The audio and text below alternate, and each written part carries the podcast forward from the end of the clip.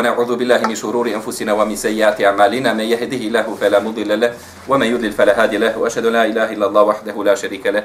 وأشهد أن محمدا عبده ورسوله صلى الله تعالى عليه وعلى آله وصحبه وسلم. فقد مته على محجة البيضاء. ليلها كنهارها لا زيغ ونحبد الله حالك. فإن أصدق الحديث كتاب الله وخير الهدي هدي محمد صلى الله عليه وسلم وشر الأمور محدثاتها وكل محدثة بدعة وكل بدعة ضلالة وكل ضلالة في النار. Posle zahvala Allahu subhanahu wa ta'ala, pošto smo doneli salavat i salam na našeg posljednjeg poslanika Muhameda, sallallahu alaihi wa sallam, draga braće, salamu alaikum wa rahmetullahi wa barakatuh. Mi nastavljamo u našem pretpostavljenom predavanju, koliko znam, na, na ovu tematiku tužnih događaja iz prve generacije, u kojem govorimo i tretiramo o tim jako tužnim i nezgodnim događajima, ne i želje da e, likujemo s ove distance i da, da se radujemo onome što se, što se desilo, već stvarno da pokušamo mi e, umet današnjice u ovom gradu, u ovom mjestu, da pokuša izvući pouke od njih. Oni nisu mogli da se okoriste našim postupcima, ali mi možemo da se okoristimo njihovim postupcima. Oni nisu mogli da se okoriste našim greškama, mi možemo da se okoristimo njihovim greškama. Pa hajmo vidjeti koje su tu bile e, greške i koje su to stvari koje se, koje se mi danas možemo, ako Bog da, sačuvati. Kroz tretiranje ove teme mislim da možemo da upoznamo i e, narav zajednice, a možemo da upoznamo i narav vlasti. Zajednice su uvijek povodi za onim koji imaju novac. Za onim koji imaju novac. Pravilo, i mi smo vidjeli i u Bejdulad Zijad, koji je organizirao ubistvo Hoseina radijallahu talanu, uspio je da okrene 12.000 pristalica Huseinovi preko novca. Preko novca. I zamislite na šta je on uložio novac. Na šta je on uložio novac. Molim Allaha da, da nas ne proživi sa njim. Abdullah ibn Zubair ibn Awam ibn Huwaylid Abdullah ibn Zubair ibn Awam, Zubair ibn Awam ibn Huwailid. Sve ove osobe bi trebali osnovi biti interesantne i poznate. Kao prvo, Ez Zubair ibn Awam, časni ashab našeg poslanika, sallallahu alaihi wa sallam, jedan od desetorice obradovanih dženetom, a on je sin Safije, a Safija je poslanikova, sallallahu alaihi wa sallam, tetka. I o njemu smo ranije govorili. I on je ubijen tokom bitke e, kod Deve. Tokom bitke kod Deve. Što se tiče njegovog djeda od Zubair ibn Avama, on je Huvejlid. A Huvejlid je otac od Hatidže, radi Allah, prve supruge našeg poslanika, sallallahu alaihi wasallam. Tako da je ovo prijateljski odnos je imao. Pored toga što mu je tetke, istovremeno mu je to bio prijatelj, s obzirom da se oženio, oženio iste porodice naš poslanik, sallallahu alaihi wasallam, što mu opet povećava mjesto u našim, u našim očima. Uh, u svemu tome, salam, u svemu tome dolazi uh, njegov sin Abdullah, uh, čija je majka Esma, otac mu obradovan džennetom, i njegov djed je brat od, od Hatidže poslanikove supruge prve, a njegova majka je Esma, a Esma je vlasnica dva pojasa. Esma je vlasnica dva pojasa i ona se udala za Zubere ibn Awama još prije Hidžre i u trenutku Hidžre u, u Medinu bila je trudna sa Abdullahom Zubeirom. Bila je trudna sa Abdullahom. A vlasnica dva pojasa, ona je ona koja je logistika bila poslanika tokom Hidžre. I njen je otac je Bubekar radijallahu prvi odrasli musliman koji je prvi odrasli čovjek koji je primio islam. Iako je prvi muško osoba koja je primio islam, Alija radijallahu ta'ala. Ali prva odrasla punoljetna osoba, s obzirom da je imao deseta godina, ne puni deset godina kada je primio islam, pa se obično gleda ko je prva punoljetna osoba. Jer moraš očekivati od punoljetne osobe da će dati doprinos i odbranu islamu i muslimanima. Od Alije se u taj vakat nije moglo puno, puno očekivati.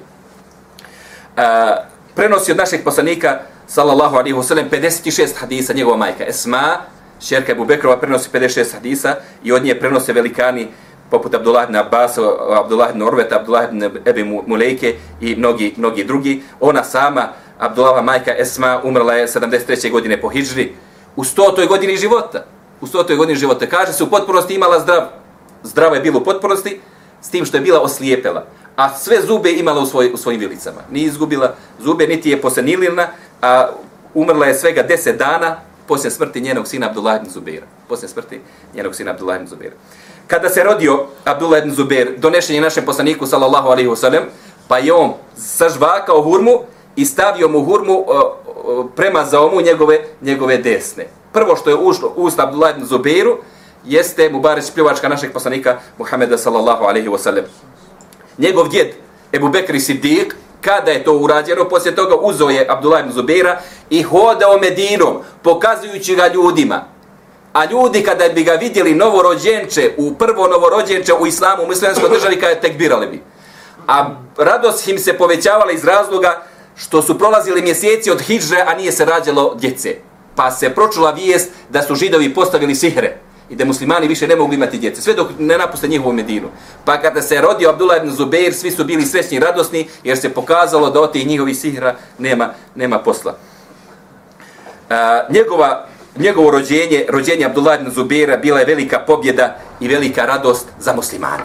Velika pobjeda i velika radost za, mu, za muslimane. kada je napunio sedam ili osam godina, njegov otac Zubeir ibn Avamo premio ga i rekao, idi kod Allaho poslanika i daj mu prisegu daj mu bejo, daj mu prisegu. Pa dolazi malac sedam godina i kaže, Allah poslaniče, ja došao da ti dam prisegu na, na vjernost. Moja sablja je tvoja sablja, sedmogodišnja. Mislim, u tom kontekstu se davala prisega, nije on to mogao nije on to mogao reći. Pa je, kaže, to je raspoložilo našeg poslanika, nasmijao se i prihvatio njegovu prisegu. Znači, normalno sve u redu prihvatio njegovu prisegu. Jedna od zanimljivosti Abdullaha u umetu, zanimljivost koju nema niko drugi, jeste da je on ashab, otac, odnosno majka mu je, i otac i majka su mu ashabi, djed mu je ashab, pradjed mu je ashab. Niko, četiri generacije u islamu, niko nema iz Ebu Bekrove porodice. Zato što je on ashab, njegova majka Esma je ashab, Ebu Bekr je ashab, a također njegov otac ashab. Ali preko, poslije majčine strane, preko majčine strane dolazi do Kuhafe. A Kuhafa, e, Ibn Ebi, do Ebu Kuhafe, a Ebu Kuhafa je u stvari Osman, o Ebu Bekrov, Ebu Bekrov otac. Ebu Bekrov, I on je primio islam na dan oslobađanja Mekke. Četiri, četiri generacije muslimana u jednoj, u jednoj porodici. Četiri generacije ashaba u jednoj porodici. To se nikom nije desilo izuzeo porodici Ebu Bekra radijallahu ta'ala, a u tome upada i Abdullah ibn Zubair. Uh, kroz svoj život ostao je zapamćen po pet stvari.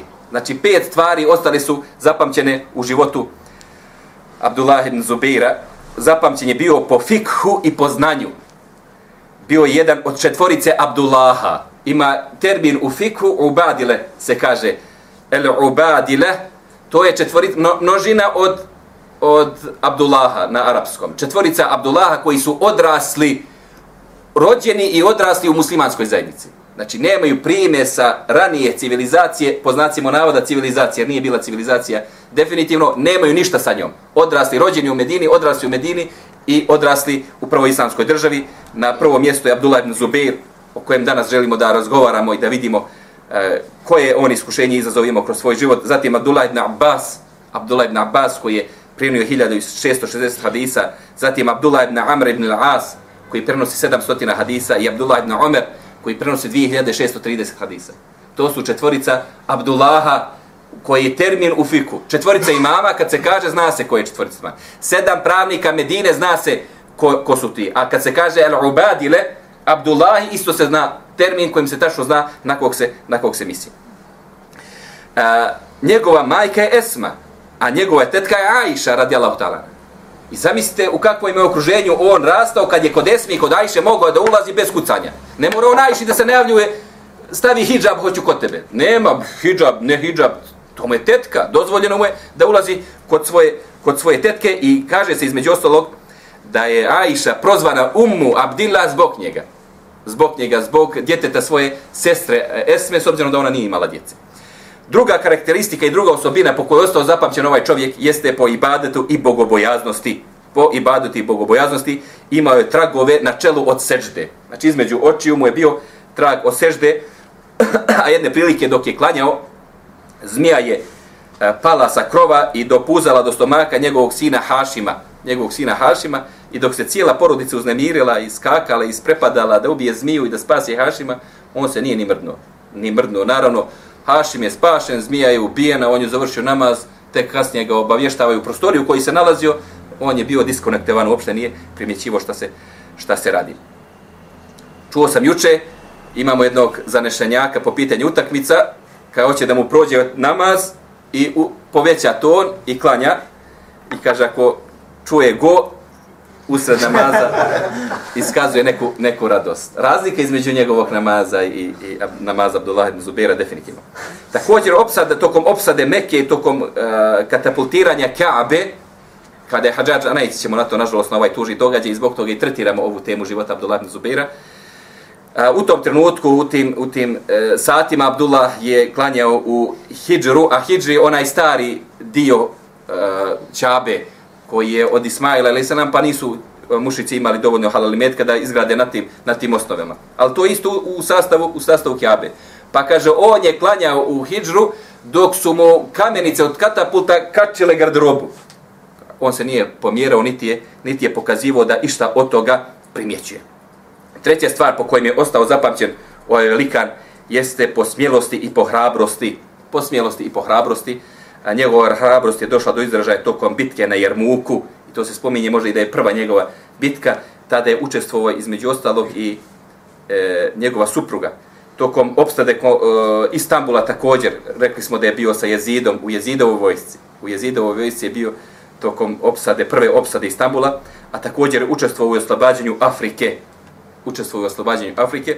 Zatim tokom odbrane Osmana pokazuje veliki, e, veliku hrabrost. Je mu dar, je poznat taj događaj, je mu dar kada je u svojoj kući, u svom daru ubijen Osman radi Allah. On je bio na kapijama pokušavajući da, da ne dozvoli ljudima da uđu kod njega, ali eto, ljudi su ušli kroz, kroz krov pa sišli su niz prozor. Zatim kod bitke na Devi također o, pokazao ogro, ogromnu hrabrost. Iako je među muslimanski sukob, ali pokazuje hrabrost također i tokom Hadžađove opsade Mekke.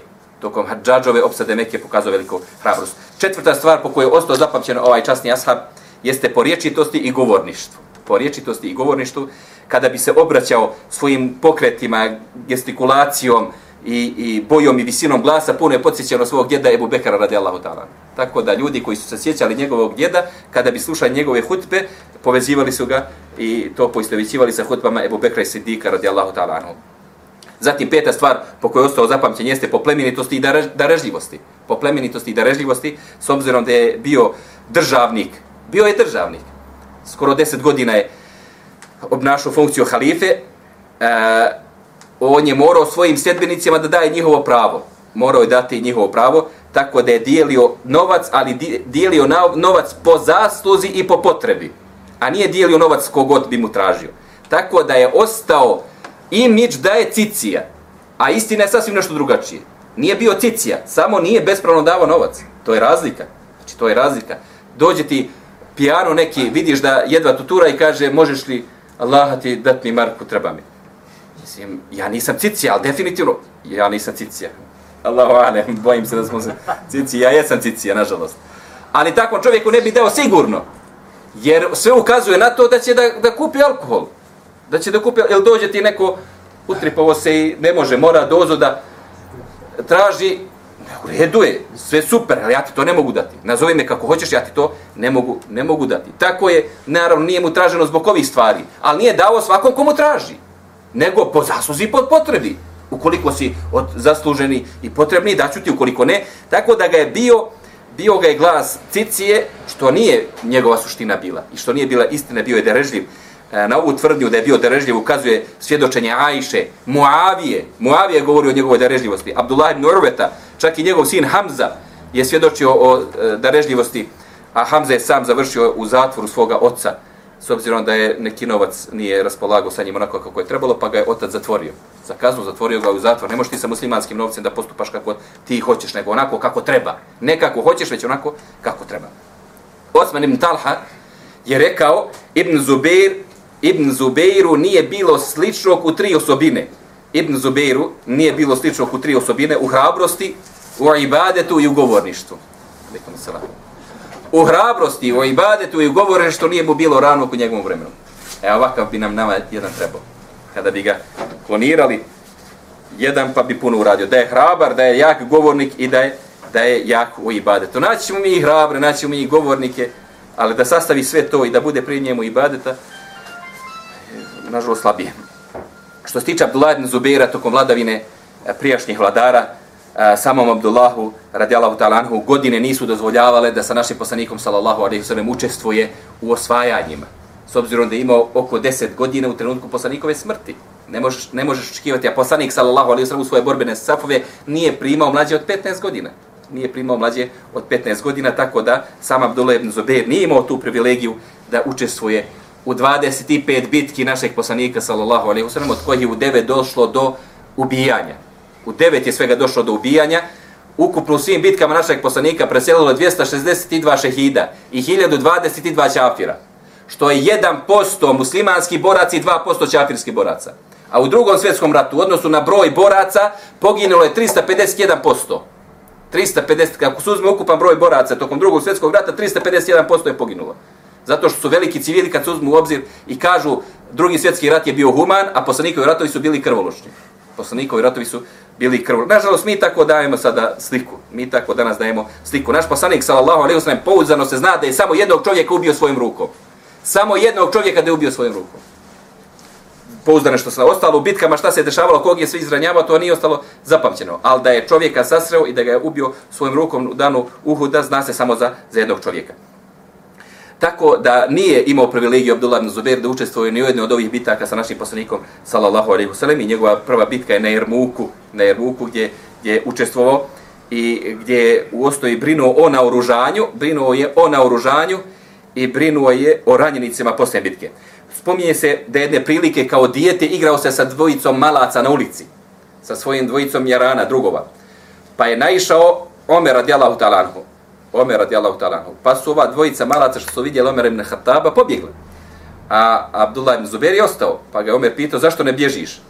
Pa kaže niti sam šta zgriješio pa da te se bojim, niti je put tjesan pa da ti se moram sklanjati. Znači uopšte nema razloga nikakvog da ti se, ni sa kakvog aspekta da ti se, da te se sklonim. Što opet pokazuje o pronicljivosti. Ebu Bekr je preselio dvije i pol godine posle poslanikove smrti, rekli smo 12, znači on koliko je mogo imao, 13, 14 godina imao u, u, ta, u taj vakat. Jako mali, ali jako, jako zrio. Tokom Osmanove vladavine e, došlo je do umnožavanja mushafa. Osman je uzeo mushaf koji je zapisan tokom života e, Ebu Bekr radijallahu talanhu, pa je poslije toga tražio da se umnoži. Ima razilaženje 4, 7, 11 ili koliko je već puta umnožen Ukoliko primjera primjeraka je umnožen. sasvim nama, nama nebitno bitno za ovu temu.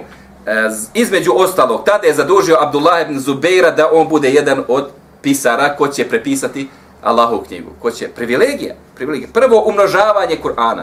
Prvo umnožavanje mushafa. Uradio je, učestvovao u njemu Abdullah ibn Zubeir. Tokom Osmanove vladovine učestvovao u osvajanju Afrike, gdje se proslavio zbog ubistva Džurejđa, ubi, zbog ubistva Džuređa i on kaže se otišao da se pridruži vojnicima i kaže borba je trajala od izlaska sunca do podne namaza. Kada bi se čuo ezan za podne namaz, obje vojske su se vraćali na, svoj, na svoju stranu. Svak na svoju stranu, slomljeni do, do podneva, e, ma, mašeš sa, sa sabljom, nimalo nije jednostavno. Izranjavani, pa sutra dan opet, pa sutra dan opet. Trajalo je u nedogled, trajalo u nedogled. Pa je, kaže Abdullah ibn Zubair, tražio da se podijeli vojska da jedna vojska ide da se bori, ali druga da se odmara. Pa poslije Nezana, kad se proučio pod, ezan za podne namaz, kad su se vojske razišle, on sa odmornom vojskom, hajmo sad, hajmo sad, mi imamo odmorne, da vidimo imali, imali oni. A je bio rekao, ko mi ubije vojskovođu? Ko ubije vojskovođu muslimana, obećava mu uh, sto hiljada zlatnika. Sto hiljada zlatnika i obećava mu ruku svoje šerke. Pa ni malo ne, prijatno, ni malo prijatno da ti neko tako na bojnom polju Pa kaže Abdullah ibn Zubair kao glasi ti da ko ubije njega, da će mu se hiljadu zlat, sto, sto hiljada zlatnika ili da će mu se ruka od šerke. Pa kad je to čuo Džurejić, zaledio se. Zaledio se. Nimalo mu nije bilo drago što je uopšte raspisao prvu, prvu poternicu, što je dao uopšte nagradu kad mu se vratilo istom mjerom. Allah je dao da upravo Abdullah ibn Zubair ode i da dospi do Džurejića i da ubije ovog, ovog uh, vojskovođu na suprotnoj strani. Uh, također Abdullah ibn Zubair spomenuli smo da je bio na dan je mu dan kada je ubijen Osman radijallahu ta'ala anhu bio je pred njegovim vratima, boreći se i trudeći se da niko ne uđe kod, Os, kod Osmana radela ta'ala anhu. U bici kod Deve bio je sa svojim ocem, bio je sa svojim ocem i tada je ranjen de, sa 19 rana. A spominje se čak da je imao preko 40 rana.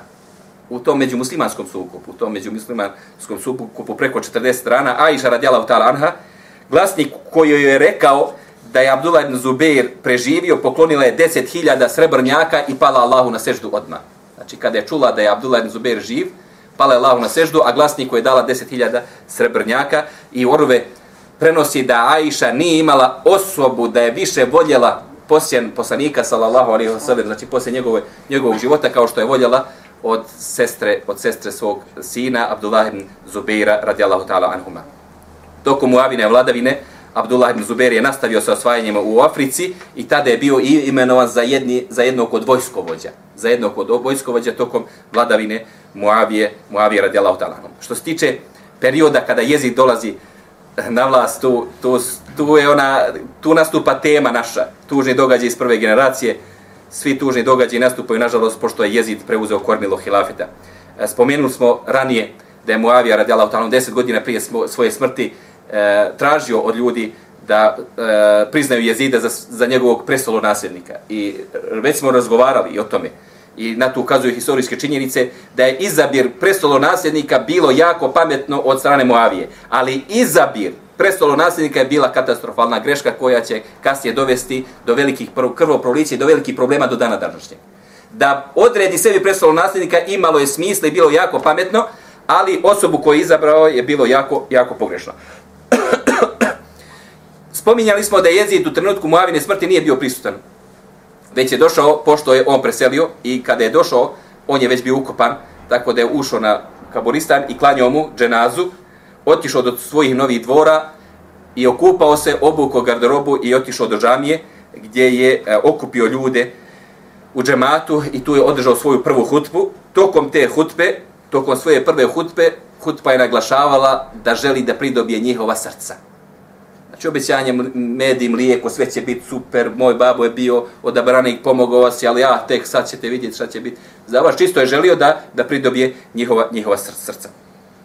Čuvajući, čuvajući se od smutnje i od razdora, El Husein ibn Ali i Abdullah ibn Zubair napustili su Medinu, ne priznavši jezida za halifu, ne priznavši jezida za prestolonasljednika a, i odabrali su i otišli su, obojice su otišli u Meku obojice su otišli u Meku. Mi smo prošli put vidjeli u kojem smjeru je otišao Husein radijalahu ta'ala i gdje ga je to doveli, na koji način je skončao svoj život, a sad ćemo vidjeti u par detalja u kojem smjeru je otišao Abdullah ibn Zubair. Jedna od prioritetnijih stvari za Jezida jeste bila da njih dvojica ga priznaju za halifu. Prioritetnije stvari njegove, njegove vladavine.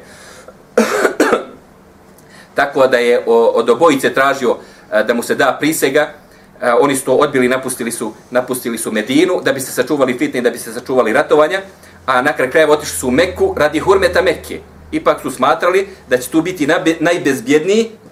Drugo, Medina im je blizu, oni u Medini imaju veliki broj pristalica, a kompletan ostali islamski svijet je pun raznih lobija gdje su više u opasnosti nego što su u sigurnosti. Ne od jezida, nego od ostalih frakcija umet. Tu su Haridžije, tu su Sebeije, tu su razne frakcije koje žive koje su tada već živeće. Tako da im se Meka učinila najbezbjednijom. I u samom startu to je bilo jako pametan odabir, ali kasnije će to koštati pada hilafeta, eh, pada hilafeta eh, Abdullah ibn Zubaira. S obzirom da je on bio jedan od halifa, validni, validni halifa. Čak su muslimnici Šama govorili, ukoliko izabereš Damak za svoj glavni grad, garantujemo ti, dajemo ti prisig odmah. Odmah ti dajemo prisigu, međutim Abdullah ibn Zubair nije odustao od Mekke kao prijestolnice njegovog hilafeta. Abdullah ibn Zubair protivio se Huseinovom napuštanju Mekke i smatrao kao odlaziš kod onih koji su ubili tvoga oca i koji su iznevjerili tvoga brata koji su iznevjerili tvoga brata. Husein, e, kao i ostale svoje savjetnike o kojima smo prošli put govorili, nije ga poslušao, već je otišao kada se desilo zvjerstvo na Kerbeli na dana Šure, a Abdullah je bio duboko razočaran. Abdullah je bio, Abdullah ibn Zubair je bio, radijallahu ta'ala anhuma, duboko razočaran, bio je razočaran hladnokrvnoj E, likvidacije Huseina i bio je razočaran hladnokrvnoj reakciji umeta prema toj likvidaciji. Hladnokrvno je likvidiran Husein, unuk našeg poslanika, sallallahu alaihi wa sallam, kao da nema nikakvog hurmeta, ni kao muslimana, kamo ni kao ono, onaj koji je koji je iz porodice poslanika sallallahu alejhi koji je definitivno naj, možda je u tom trenutku je bio jedan od najkompetentnijih da preuzme hilafet, da preuzme hilafet. S druge strane, je Lumet šta poduzeo? Niko ništa niko ništa, svi sjede, tek će se par godina poslije toga doći do Hareketu Tawabi, se tak zove pokret pokajnika. Oni pokajnici od 12.000 koji su mu odbili da ga pomogni. Ko je pre, pre, e, ostao živ, oni su sebe nazvali pokajnicima i pokušavali poslije da osvete inicijativa Muhtara. El Muhtar je bio na njihovo čelo, a u stvari to je pokrenuo Suleiman prije njega u 90. nekoj godini života ubijenje, ubijenje jako, jako rano jako rano poslije inicijative, a kad te neko ubio u 96. godini, to nije, 90. nekoj godini, to nije rano, do, dosta, dosta dugo. E, znači razočaran je bio Abdullah ibn Zubir zbog ubistva Al-Huseina, hladnokrvnog ubijstva Huseina i zbog, zbog hladnokrvnog odnosa umeta prema, prema njegovom ubistvu, kada je dobio vijest o Huseinovoj smrti, održao hutbu u Mekki u kojoj je pohvalio Huseina i pohvalno govori o njemu, spominjao stvari koje se tiču njegovog života i njegovog uloge umetu Muhameda sallallahu alaihi wasallam, a ružno govori o njegovim ubicama. I nagovijestio ružan svršetak njegovih ubica nagovijestio da onaj koji je ukrvario svoje ruke o Huseinu radijalahu da, ga, da mu slijedi ružna, ružna završnica.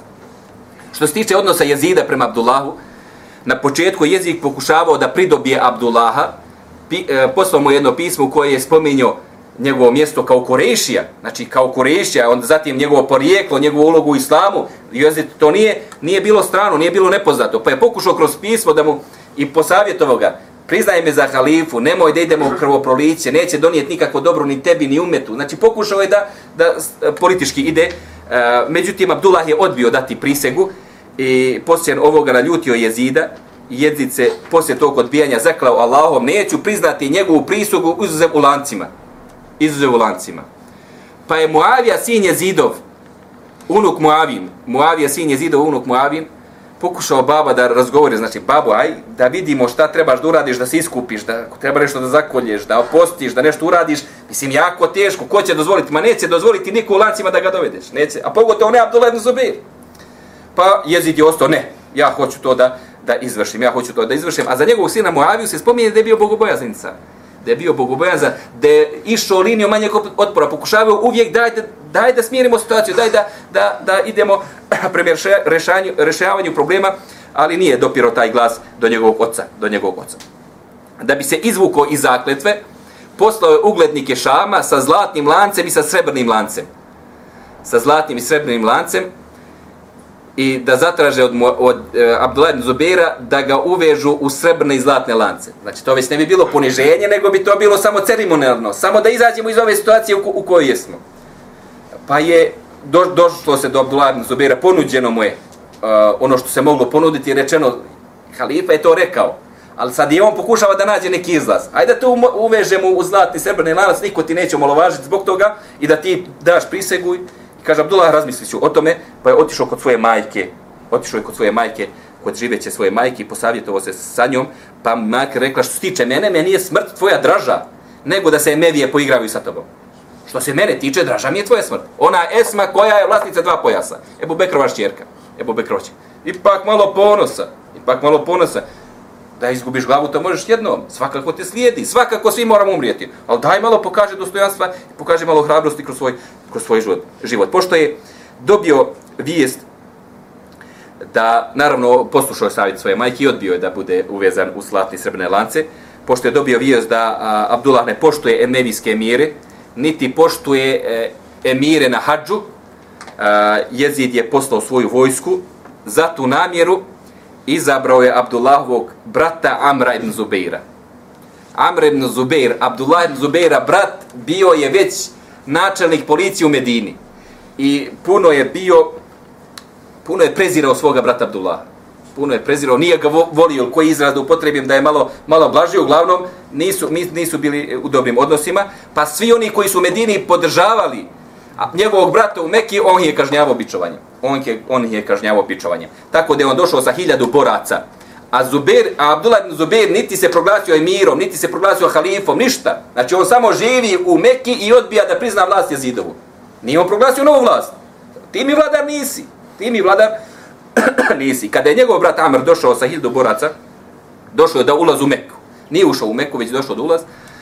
Pa je e, Abdullah ibn Zubair poslao dvije manje uh, skupine svojih pristalica, manje skupine svojih pristalica koji su bili naoružani i koji su napali njih, na čelu te, te njegovi pristalice je bio sin od Abdurrahmana ibn Aufa.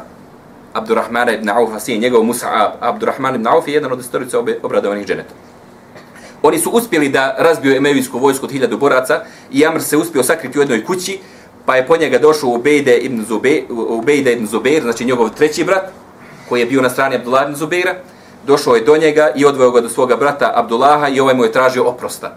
Pa je Abdullah rekao što se tiče mene, ja ti praštam. Što se tiče mene, mojih hakova, to ti praštam. Ali ne mogu da ti oprostim hakove stanovnika Medine koje si tuko bigaril hak, znači bespravno. Nego da vidimo šta oni kažu. Pa su tražili hakove.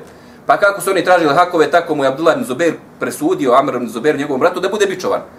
S obzirom da su ga tako lako bičovali, preselio je tokom ti preselio je tokom ti bičovanja uh, u, u Mekki. Poslije ovoga došlo je do novog sukoba 64. godine, e, pošto su se Abdullahu priključili, preživjeli revolucionari iz Medine koji su preživjeli događaj Al-Hurra, a Hurra ćemo o tom događaju ćemo govoriti sljedeći put, iako hronološki bi trebali sada obrađujemo, ali je preč da obrađujemo uz Hadžadž ibn Jusufa, a sa njim ćemo, kad već govorimo o žalosti iz prve generacije, sa njim ćemo da se ražalostimo sljedeći, sljedeći put. A, preostali ti pobunjenici iz Medine priključili su se e, Abdullah ibn Zubeiru u Mekki, a priključili su mu se i Haridžije. Priključili su mu se Haridžije, ali sa njima se i neće puno usrećiti. E, tom prilikom je, iako nenamjerno, a, došlo do rušenja Kjabe, došlo je do rušenja Kjabe, kada je došlo do tog drugog konflikta 64. godine, a, tada je Abdullah ponovno izgradio Kjabu na novo, ali na starim temeljima i ostavio dva, dvoje vrata na Kjabi, na jedna vrata se ulazilo, na druga vrata se izlazilo. Kao što je bila želja naših poslanika, sallallahu alaihi wasallam. Kao što je bila želja naših poslanika, sallallahu alaihi wasallam. Jezid ibn Muavija je preselio dvije i po godine pošto je bio vladar i nije uspio da uh, nagovori uh, Abdullah ibn Zubaira da ga prizna za halifu. Kada je preselio Jezid ibn Muavija, većina uh, ummeta je dala prisug Abdullah ibn Zubiru. Ostali su samo neki klanovi u Šamu koji su i dalje podržavali Emevije. Ali su ti klanovi se razilazili ko treba da naslijedi Jezida. Ko treba da naslijedi Jezida. Pa je dio smatrao da to treba biti njegov maloljetni sin a drugi su smatrali da to treba biti Mervan ibn al-Hakim. Treći su smatrali neko, neki treći. Znači, male skupine u Šamu su i dalje odbijale da daju prisog Abdullah ibn Zubiru. Svi ostali su dali Irak, Egipat, Palestina, Hidžaz, znači Mekka i Medina. Sva mjesta su da priznala Abdullah ibn Zubira za svog vladara. A, došlo je, poslije smrti Jezidin Muavije, došlo je do jednog susreta a, u kojem su se okupili emevijski simpatizeri iz, jem, iz e, Jordana, iz Jordana, iz plemena Kelb i e, emevijske pristalice i Šama, okupio je Mervan ibn al-Hakem. E, Mervan ibn al-Hakem je bio iz Osmanove e, službe. On je bio njegov pisar, njegov službenik u trenutku dok je, dok je ubijen. Bliz, bližnji rođak Osmana radi Allahu Okupio ih je da razgovaraju kako mi sada da izaberemo nasljednika. Abdullah ibn Zubira ne priznajemo. A gledaj ti ovo. Spominje se da je Mervan ibn Hakim razmišljao o tome i bio na tome da da prisegu Abdullah ibn Zubiru. I došla mu jedna osoba koja ga posavjetovala nešto drugačije. Došao mu je Ubejdullah ibn Zijad, ubica Huseina. Opet taj šeitan na, na dvije noge došao je u ljudskom obliku i došao opet da ubaci, ubaci sumnju. I uh, Mervan ibn Hakema nagovarao ga je ti bi trebao. Jer on zna u Bidulab Zijad da u novoj bilo koja druga vlast van Emevijske nimalo nije za njega blagonaklona. Svi će tražiti da bude osvećena ubistvo Huseina radijalahu talanu. Pa se najviše krio, on se zbog toga krio i za Emevija. Tako da je, kaže se, probudio već postojeće ambicije Mervana ibn al-Hakema. probudio već postojeće uh, njegove ambicije. Okupio je okupio je e, pristalice u, u blizini u blizini u jednom predgrađu Damaska gdje su razgovarali o sljedećem nasljedniku Emevijske dinastije i izabrani upravo on, izabrani upravo Mervan bin Hakem tada i tada su se ponovno okupilo dio Šama se ponovno okupio oko jedne osobe, oko jedne osobe. A, doći će i do velike bitke Merđurahid, Merđurahid na teritoriji Šama, u kojoj će se suprostaviti Emevije i u osnovi sa, sa Mervanom ibn Hakemom više nisu Sufijanije na vlasti među Emevijama nego njihov druga porodica, to su, to su upravo od Mervana ibn Hakema. Od Mervana ibn Hakeme. Tako da i među Emevijama prelazi vlast sa jedne porodice na drugu, ali ostaje u granicama Emevija. Uh, Nu'man ibn Bešir al-Ansari. Nu'man ibn Bešir al-Ansari je bio na teritoriji Šama i on je dao prisegu Abdullah ibn Zubiru. I on je insistirao na ostale šamljene da daju prisegu Abdullah ibn Zubeiru, tako da je došlo do sukoba 65. godine po Hidžri između Mervana ibn Hakema i El Nu'mana ibn Bešira al-Ansarije, E, Merđu Rahid se zove ta bitka u kojoj su Emerije pobjedile i uspjele da povrate svoju vlast na većoj teritoriji Šama, a poslije novog događaja Palestina je sama po sebi pripala e, Šamljanima. Palestina je uvijek bila, uvijek je njom vladao e, šamljanski namjesnik. Ko vlada Šamom, Palestina je sa njim. Tako da su po automatizaciji šamljani e, potpali pod emevijsku vlast ponovno i opet dolazi do odvajanja i do centralizacije dvije različite vlasti. Abdullah ibn Zubair vlast u Mekki, gdje o, o, većina ljudi mu daje prisegu i sada imamo na drugoj strani Mervan ibn Hakema kojim je dali prisegu Šam i, i Palestina. Naslijedio ga Abdulmelik ibn Mervan. U vlasti ga je naslijedio Abdulmelik ibn Mervan, njegov, njegov sin, i to se desilo 65. hijđretske godine. I kada spominjem Abdullah, Abdulmelik ibn Mervana, a istovremeno govorim Abdullah ibn Zubeiru, hoću da spomenem jedan događaj koji se desio u okrelju Kjabe dok je još uvijek bilo zlatno doba islamskog umeta. Spominje se da su se susreli Abdullah ibn Omer, Orve ibn Zubir, Musa ibn Zubir i Abdul Melik ibn Mervan u dvorištu Kjabe i to je skup mladog ashaba sa djecom ashaba. Ovdje je samo Abdullah ibn Omer ashab. Samo Abdullah ibn Omer ashab.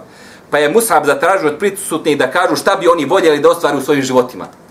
Pa su oni rekli, kad već predlažeš, počni ti, šta bi ti volio? Pa je Musa ibn Zubej rekao, volio bi da budem namjesnik Iraka. I volio bi da oženim Sekinu, šćerku Huseinovi, i da oženim Ajšu, šćerku Talha ibn Ubejdullaha.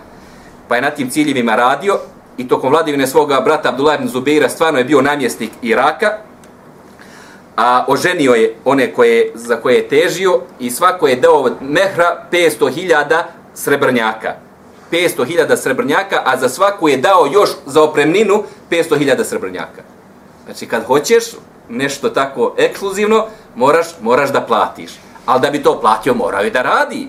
Da bi to zaradio. Nije mogo sjedeći da dođe, nije mogo sjedeći nikako da se oženi, a pogotovo ne sa ove dvije časne, časne šćerke koje su se nalazile u umetu Muhameda sallallahu alaihi wasallam. Spominje se da je tokom svog namjesništva imao namjeru da napadne Šam i da se suprostavi upravo Abdulmeliku ibn Mervanu sa onim čovjekom sa kojim sjedi tu šta bi ti volio u životu. A šta će do, doček će dovesti sudbina da par godina e, ili par desetina godina poslije toga jedan drugog jedan protiv drugog ratuju, jedan protiv drugog ratuju. Htio je da organizira vojsku protiv Šama, međutim e, uspio je uh, Abdulmelik Mervan da pošalje Hadžađe ibn Yusuf Thaqafija, pa je on odrubio glavu Musab ibn Zubeiru i poslao je Abdullahu Mekki. Poslao ga Abdullahu Mekki. Zatim drugi koji je bio prisutan to jeste Urve ibn Zubir, on je poželio da bude fakih, da bude islamski pravnik i da bude poznavac hadisa, pa je radio na tome da to ostvari, da ostvari taj cilj i uči od majke vjernika Aisha radijallahu ta'ala anha, dosegao je veliki stepen znanja, tako da se ubraja u sedam pravnika Medine. A sedam pravnika Medine su najučeniji ljudi iz druge, druge generacije Islama. Najučeniji ljudi iz generacije Tabiina su sedam, sedam pravnika Medine, među njima je Orve ibn Zubair. Uh, spominje veliki broj hadisa koji spominje, eh, pronesu od ashaba, Fakih Medine, Fakih Medine. Njega ste možda čuli o njemu, o osobi pobožnjaku kojem je trebala biti amputirana noga. Pa su mu ponudili da popije nešto što će, što će mu malo diskonektovati e, razum, nešto što je bilo opojno, pa je on odbio to. Nije htio ni pod koju cijenu, već je tražio, dozvolite mi da zanijetim. Da zanijetim ja dva rekiata na file, pa kad ja zanijetim, onda vi pristupite, pa je tokom namaza, dok je obavljao namaz, amputirana mu je, amputirana na moje noge. Treći koji je tada bio prisutan jeste Abdul Melik ibn Marwan. On je poželio da bude halifa muslimana, pa je postao, on je peti emevijski halifa i vladao je 21 godinu. On je vladao 21 godinu. E, smatruju ga među najistaknutim vladarima iste, iste dinastije. Proširio znatno granice islamske vlasti. Sad ne govorimo što je uzeo primat nad Abdullah Zubeirom nego govorimo da je proširio vlast i na dotad nepostojeći teritoriju muslimansku, Damask je učinio pravim svjetlom, pravim svjetionikom. Tu se dolazilo poznanje, tu se dolazilo po kulturu. Znači, puno je pomogao da se Damask proširi e, u jednu kulturološki, u jedan kulturološki centar. Abdullah ibn Omer je tada poželio, kada su svi završili, šta ti želiš Abdullah ibn Omer? Kaže, ja želim džennet. Ja želim, moje su ambicije, džennet. E tako želi Ashaba, tako žele već sljedeća generacija. A zamislite koja je razlika između te druge generacije i na, nas danas i nas. Mi ne umijemo ni danjalog da poželimo. Ako poželimo hiljadu maraka, dvije hiljadu vr, u vrh glave, da je čovječe, hoću da budem nešto, ako već želim danjalog, hoću da budem u krovovima nekim. E, kažemo, tada se, tada se pokrenuli taj pokret pokajnika, e, desila se bitko Ainul, Ainul Vrda, sve se to desilo 65. godine, koje, tu je došlo također do velikih krvoprolića među, među muslimanima. Musa ibn Zuberi je pokušao da osvoji, e, da krene prema Šamu, izgubio je. Kad je izgubio cječana mu je glava poslata je Abdullah ibn Zuberi u Mekki. Na taj način je izgubio jako bitnu osobu. Na, uh, Abdullah ibn Zuberi je izgubio jako bitnu osobu i nije uspio više da nađe adekvatnu zamjenu za njega. Njegovom smrću izgubili su Irak. I izgubili su Irak. Tako je da na posljedku uh, došlo do opsjedanja Mekke. Došlo je do opsjedanja Mekke 72. godine po Hidžri. A vlast Abdullah ibn Zubeira se svela samo na Meku. Malo pomalo se vratila. Za, kako su to uspjeli Emevije? Kao prvo centralizirali su svoje, svoje redove. Uspjeli su da sabiju svoje redove i da proglase jednog vladara. Drugo, nisu se bavili Mekom sve dok nisu riješili ostale mjesta. Dok Abdullah ibn Zubeir nije se bavio Emevijama. Nije se obavio Emevijama. Što se na posljedku pokazalo velikom greškom, e, jedna od grešaka je bila i to što je ostao da Meka bude centar, centar njegove vlasti. Da se pomjerio prema Šamu ili da se pomjerio prema drugom mjestu ima je više, više izgledal kadar Allah ma šafa'al. Znači opet je to Allahu kadar i ono što je Allah htio, on je to, on je to i uradio. Sve te stvari su ugrozile vlast Abdullah ibn Zubeira. Tako da je 72. godine došlo do opsade Mekke. Tokom te opsade u Mekke je vodio Al-Hajjaj ibn Yusuf al-Thaqafi, nemilosrdni mevijski vojskovođa, opkolio je Mekku i e, prvo je stopirao dotok hrane za stavnike Mekke. To je krem islamskog umeta. Stanovnici Mekke, najzaštićeniji ljudi u umetu su stanovnici Mekke. Onaj koji boravi u Mekki, ne smiješ mu ništa. Ne smiješ da ubiješ životinju, izuzev ukoliko nije e, štetočina. A ne da čovjeka uznemiriš i da, i da ubiješ. U tim mjesecima je e, stanovnici Mekke su ispaštali i stanovnici Mekke su gladovali.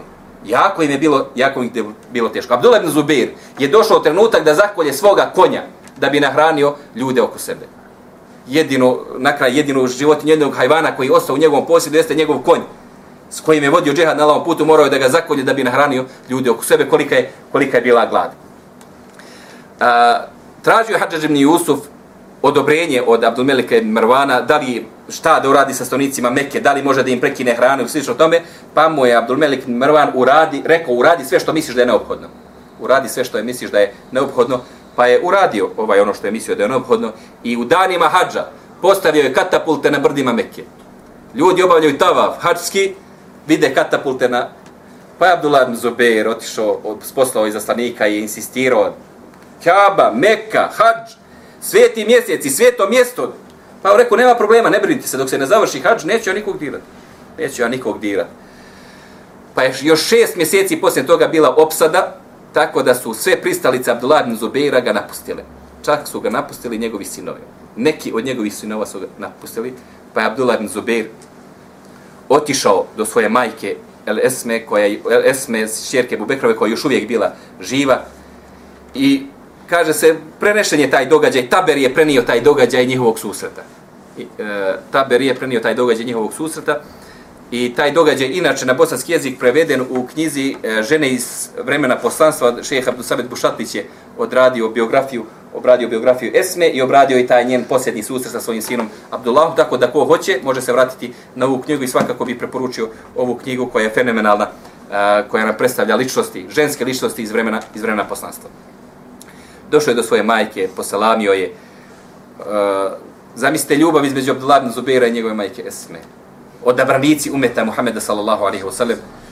Pa je pitao majko šta misliš? Uh, napustili su me svi. Napustila me moja porodica. Moji sinovi su me napustili. Šta misliš, šta me savjetuješ? A kaže, Mevije mi uporno, Abdelmelikovi mi zaslanici uporno šalju razne običanja. Samo da ostavim vlast. Da ne dođe do bitke. Pa kaže majka, ukoliko si se borio radi Dunjaluka, uradi to a ukoliko si se borio radi islama i zato što misliš da, da si na haku, nema povlačenja s haka. Ako misliš da si na haku, nema povlačenja s haka. Ako si to radio radi dunjaluka, super, evo ti prilika. Pa je rekao, tako mi Allah, majko, ja sam to uradio samo radi ahirate, zato što sam mislio da, sa, da sam na haku. Pa je rekao, u redu.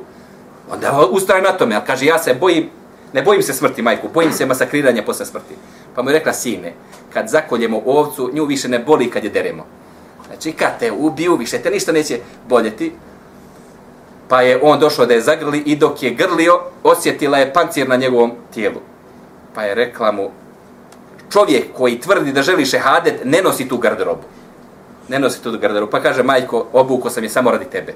Nisam znao šta ćeš da mi odgovoriš, pa sam ipak htio malo da ti smirim srce. Pa je rekla, skini to. Zatim nemaš potrebe. budeš li ranjen, prije ćeš dočekati šehadet, a budeš li se borio, lakše će se kretati. Biće ti pokreti daleko, daleko jači, daleko boljim. Pa je zatražio od svoje majke da dovi za njega. I napustio i to je bio posljednji susret, par sati poslije toga će Abdullah ibn Zubair biti ranjen i ubijen. Biće ranjen i ubijen, ubijen biće ubijen nemilosrdno. Sa njim će biti ubijeno još dvojica ili trojica njegovih sinova. Kaaba će biti srušena te prilike. Kaabu će srušiti te prilike Hadžadž ibn Jusuf. Veliko krvoproliće u Mekki, veliki nered u Mekki, veliko gladovanje u Mekki. U Mekki to se sve dešava 73. godine po hijđi našeg poslanika Muhammeda sallallahu alaihi wasallam. E, kada je došao Hadžadž ibn Jusuf, objesio ga je pored Ćabe da visi, pa par dana poslije toga na, naišla Esma i obratila se Hadžađu ibn Jusufu govoreći vrijeme da konjanik siđe sa svog konja. Vrijeme da konjanik siđe sa svog konja, pa je Hadžadž ibn Jusuf dozvolio da skinu Abdullah ibn Zubeira i da, da ga ukopaju. I na taj način je e, skončao e, ovaj velikan, ovaj halifa muslimana, ovaj vođa vjernika, Abdullah ibn Zubeir radijallahu ta'ala anhuma, Eh, u jako krvavim događajima, u jako teškim, teškim situacijama, eh, 73. godine po Hidžri, eh, otprilike na polo, polovici godine 73. godine po Hidžri preselio i tada je imao tada je imao 73 godine, jer on je rođen u godini Hidžre. Znači nije on bio mladić, nije on bio mladić, bio je već sada jako star, a njegova majka je preselila svega 10 dana posle, posle njegove smrti. S obzirom da je nastupio i namaz, Eh, e, inšala tala sljedeći put ćemo govoriti nešto o tužnim događajima koje je proizveo Al-Hajjaj ibn Yusuf al-Thaqafi i tim krvavim e, događajima i, i stvarima eh, s pokušajem da izvučemo određene e, pouke i s pokušajem da se okoristimo i da nam se to inšala tala nikad više, nikad više ne ponovi, a za sad slabo izvlačimo pouku. Izuzetno umet, izuzetno slabo izvlači pouku iz ovog događaja. Ako muslimani, najbolja generacija, u najboljim mjestima, na najboljim mjesecima, nije uspjela da sačuva krv, pogledajte u kojoj smo mi riziku. Mi moramo daleko više o tome da vodimo računa. Daleko više o tome da vodimo računa. Pobjedio Abdullah ibn Zubair ili pobjedio Abdul Melik ibn Mervan, islamska vlast se širi. To nema sumnje. Pobjedio Ali el Muavija, znači čafirima se ne piše dobro. Danas nije tako ljudi. Zbog naših međusobnih borbi neće profitirati islam triumfom jedno strane nad drugom stranom. Triumfuju čafiri, triumfuju čafiri.